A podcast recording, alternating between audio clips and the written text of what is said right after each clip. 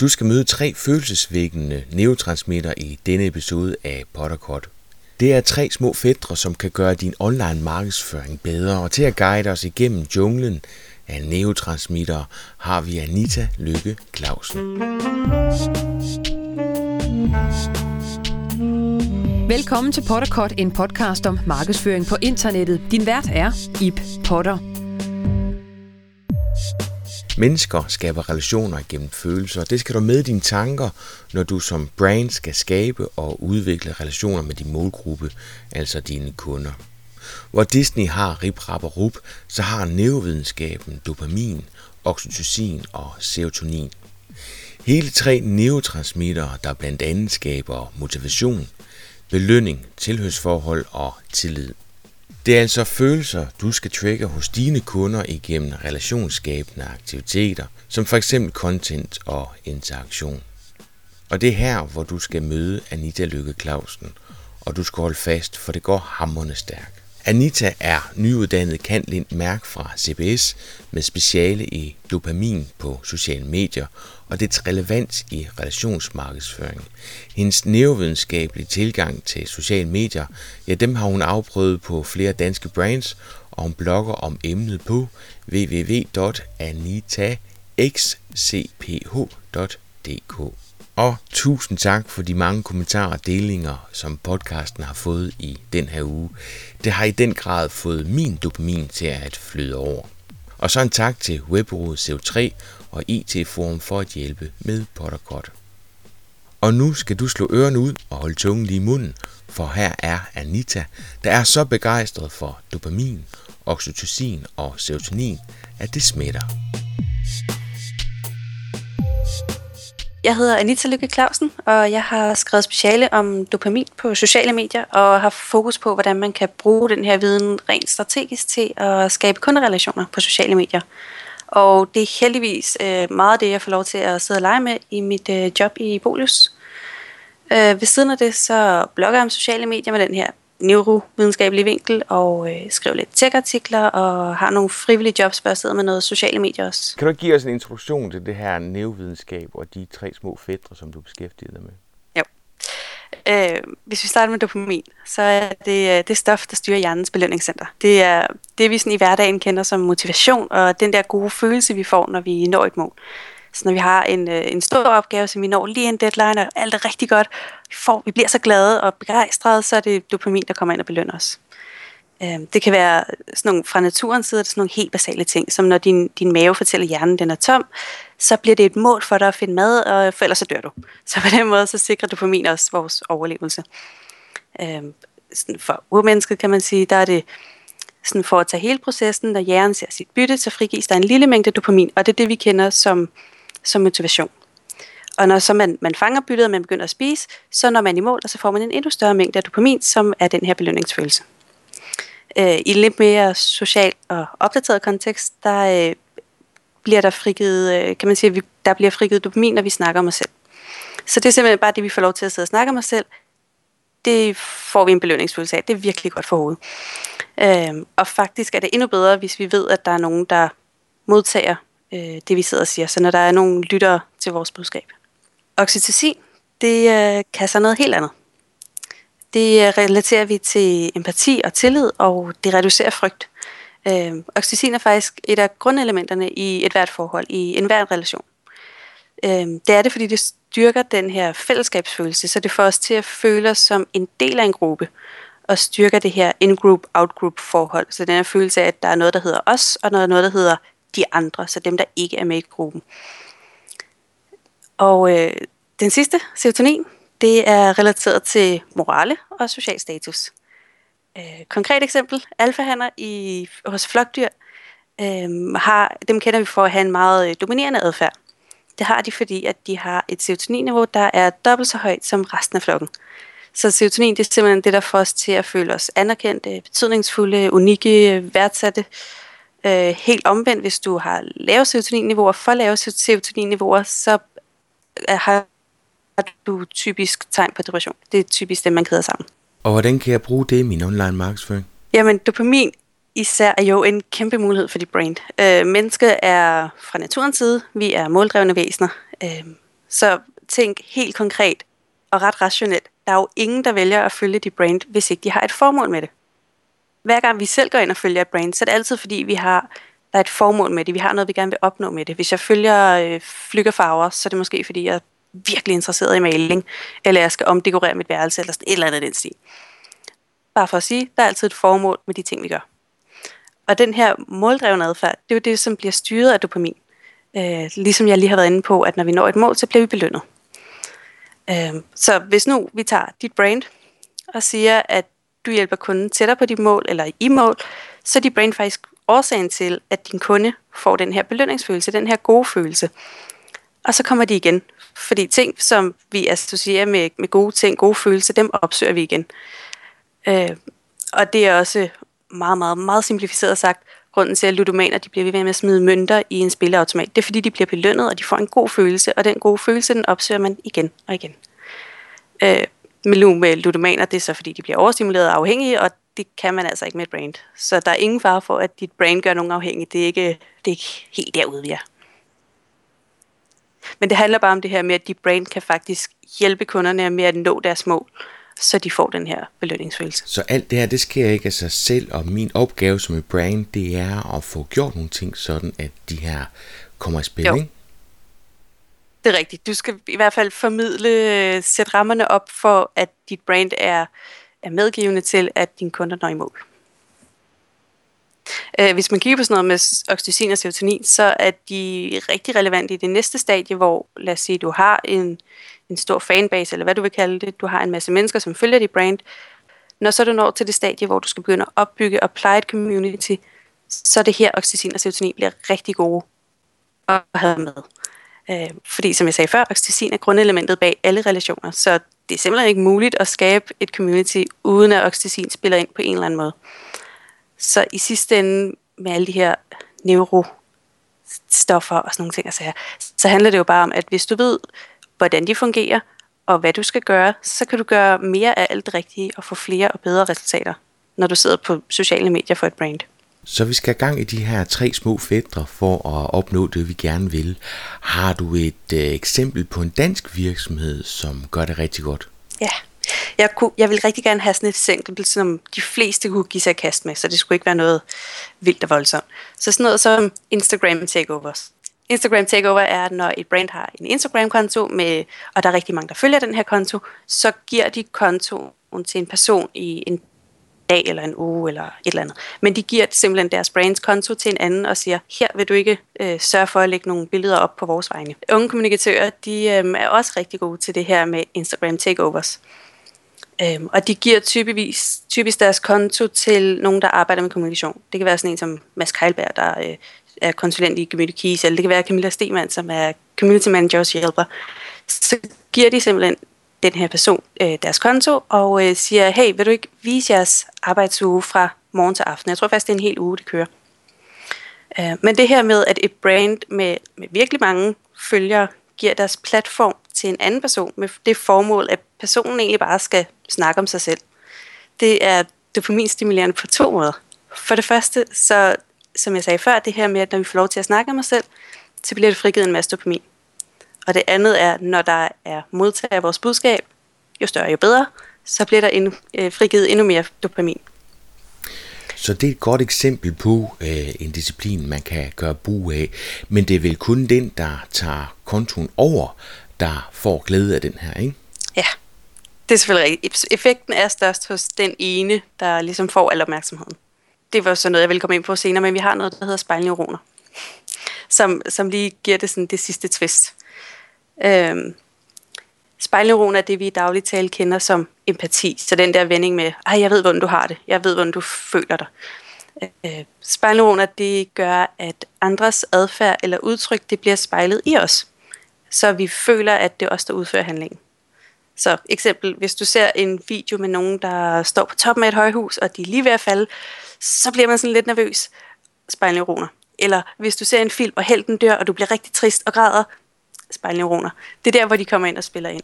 Hvor er du dejlig nørdet. Det er meget, meget tydeligt, at du holder af de her tre små fædre. Jeg bare kan formidle det, så andre kan være med, så er jeg glad. Men jeg tænker, at i din hverdag sidder du vel ikke hele tiden og tænker i de her tre små stoffer, men mere i nogle værktøjer. Kan du give os tre værktøjer, tre ting, som vi kan bruge, når vi sidder og skal kommunikere til vores målgruppe? Ja, for det første, jeg tænker altid på de her tre stoffer. Det er lidt blevet et handicap for mig. Men øh, de tre ting. For det første, du skal altid svare dine kunder på sociale medier. Jeg er meget den opfattelse, at det er... Ja, der! øh, jeg er meget den opfattelse, at det er en gave, når folk de gider bruge tid på at skrive til dit brand, og man mister kun noget, hvis man ikke svarer dem. Men hvis du derimod svarer dem, så er det blandt andet sådan noget som dopamin og serotonin, som man får mulighed for at aktivere. Fordi tænk nu, hvis der er nogen, der kom med dig med, til dit brand med et problem, og du gav dem løsning. Tænk på alt det dopamin, du lader gå til spil ved ikke at svare dem. Så du skal altid svare på dine kunder. Det kan kun gå godt. Så altid svare, når folk de kommenterer på det, du har lavet. Et like, det er vel det første skridt i at sige, at jeg hører, hvad du siger. Jo, og hvis jeg skal tage min egen gørne og laden, så er det heller ikke 100% alle, jeg svarer. Det giver ikke altid mening. Øh, så et like, det er også bare fint. Men hvis der er nogen, der kommer med en problem, så skal man altid svare. det var nummer et og nummer to. Den næste del, det er, det er lidt mere rettet mod øh, det her community management arbejde. Øh, jeg prøver selv i al formidling at fokusere på at fremhæve fællesskabet. Så lad os sige, at du har en malerforretning. Så brug vendinger som også malerentusiaster eller andre formuleringer, der kan give dit brand noget til fælles med dine følger og eksklusiv, øh, ekskludere nogle af de andre, sådan dem der ikke er malerentusiaster, ekskludere dem lidt fra jeres fællesskab, så I har sådan jeres lille kerne af interesse og sådan noget. Så er det et første bud, det går på dopaminen, og den næste på oxytocinen, og den tredje?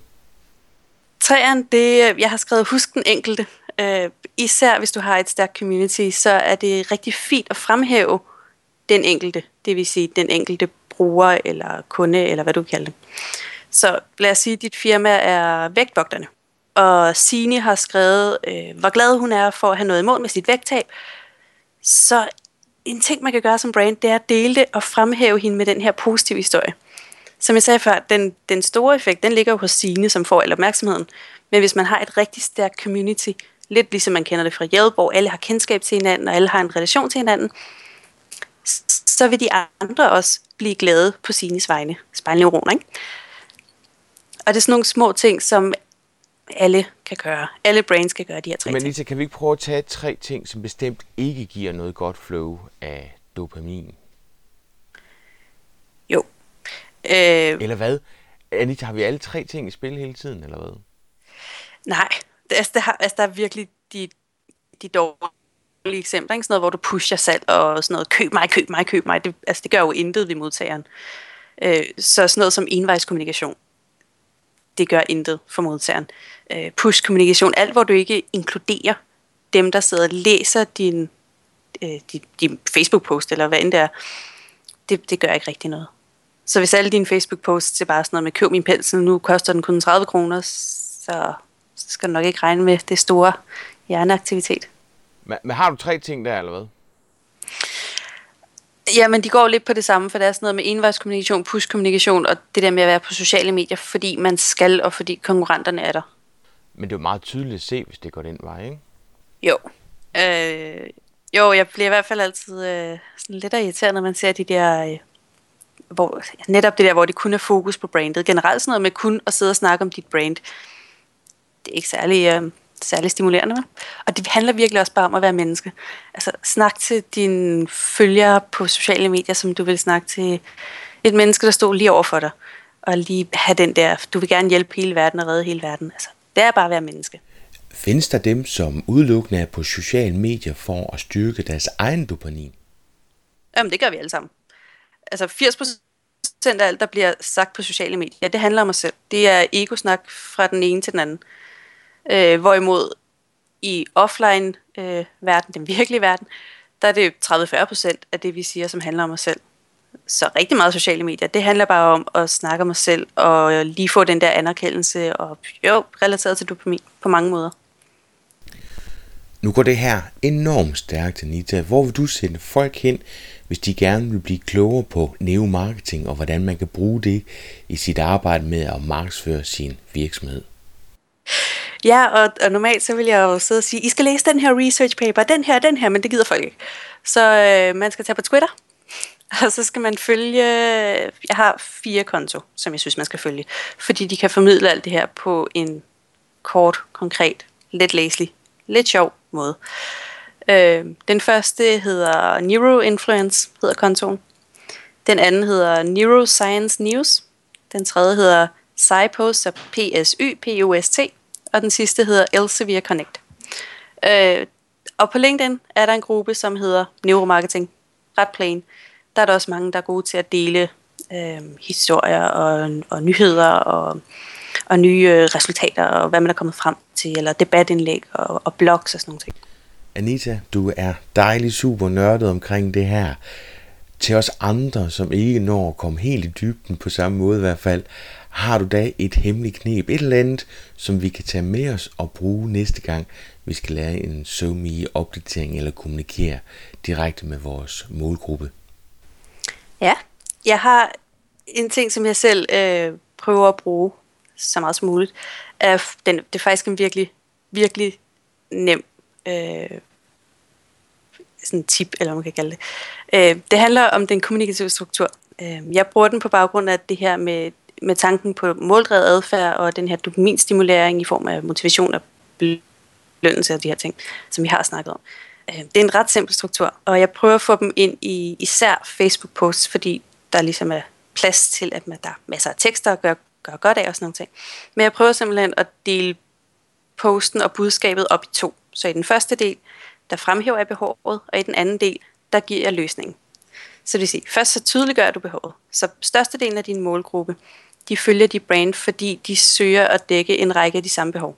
Så ved at starte med at tydeliggøre de behov, så fanger du deres opmærksomhed, og du gør din Facebook-post, eller hvad det nu end er, du gør det relevant for, for dem, og fanger deres opmærksomhed. Anden del, det er så at, at give løsningen, og holde fokus på kundens mål eller behov, og ikke lige pludselig skifte fokus til din virksomhed. Så løsningen skal ikke være sådan noget med, men vores malerpensel til 50 kroner redder dig, fordi så falder det hele til jorden. Øh, hvis vi tager malervirksomheden som konkret eksempel, så, øh, så alle dine følgere skal, som, har som udgangspunkt en interesse i maling og malarbejde. Så hvis vi så siger, at det er øh, svært for dem at male lofter, så skriver de brains selvfølgelig en trin for trin guide til at male lofter. Og så kan posten sige, det er virkelig svært at male lofter uden at få maling på gulvet. Her har du en trin for trin guide til at male loft uden at få maling på gulvet. Dårligt eksempel, men øh, så de kunder, der netop sad og havde problemer med at male loftet uden at få maling på gulvet, dem har du lige hjulpet i mål ved at for det første fremhæve målet, og dermed fange opmærksomheden hos dem, det er relevant for, og dem, du kan skabe værdi for. Og bagefter så fortæl dem, hvordan du når i mål. Og det har du gjort ved ikke, altså ved at holde fokus på kundens mål, men ikke, ikke lige pludselig pushe noget salg fra dit brand, fordi dine kunder er ikke idioter. Hvis du giver dem løsningen, så skal de nok selv finde ud af at klikke ind på din hjemmeside og købe dine pensler. Så hvis bare du hjælper dem med at løse deres problemer, så altså, hvis du hjælper dem, så vil de også gerne hjælpe dig. Så du opriser og hegner problemstillingen ind, og så kommer du med løsningen. Men så går du også ud fra, at behovet allerede er der. Er du nogle gange udsat for, at du selv skal skabe behovet? I man, kan godt, man kan godt på grænsen til at skulle skabe det, men, men det vil jo altid være der. Øh, forstået på den måde, at hvis, hvis du har en malerbutik, så vil du kun poste ting, der er relateret til, altså der er relevant for din malerbutik. Du vil ikke lige pludselig sidde og snakke om zebra Øh, så på den måde, så er vi behovet lidt allerede være der. Men det kan jo godt være, at det ikke er 100% af din målgruppe, som har et behov for at male sine dufter. Så selvfølgelig vil der falde nogen fra. Hvis du skulle foreslå en ny gæst til Potterkort, hvem skulle det så være, og hvorfor? Jeg har så tænkt lidt over det, og jeg vil øh, rigtig gerne anbefale en, som øh, for det første jeg selv kunne sidde og, og lytte til i timevis, øh, og så en, som jeg synes, at andre bør kende til, fordi personen har rigtig meget at byde på, og rigtig mange guldkorn. Og så vil jeg også gerne have lidt af en underdog, fordi alle dem, som vi altid hører på, dem skal vi nok få hørt. Øhm, og de her underdogs, dem er der faktisk rigtig mange af. Men jeg endte med Lars Østergaard. Han øh, er specialskrivende i øjeblikket, i øjeblikket, og han har et, øh, kæmpe iværksætterhjerte. Han har, han har startet så mange gode projekter, øh, og han kører markedsføring på sociale medier, så han har et hav af erfaringer fra helt konkrete cases. Øh, og egentlig tror jeg, at han har mere praktisk erfaring end så mange af os andre underdogs, og han, han tør bare springe ud af tingene og lære undervejs. Så jeg tror, at han øh, vil have nogle, nogle gode tips og læringer fra de her konkrete cases.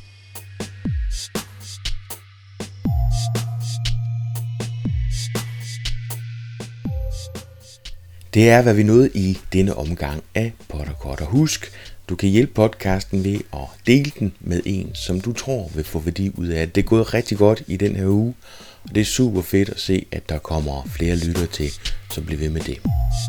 Vi høres ved.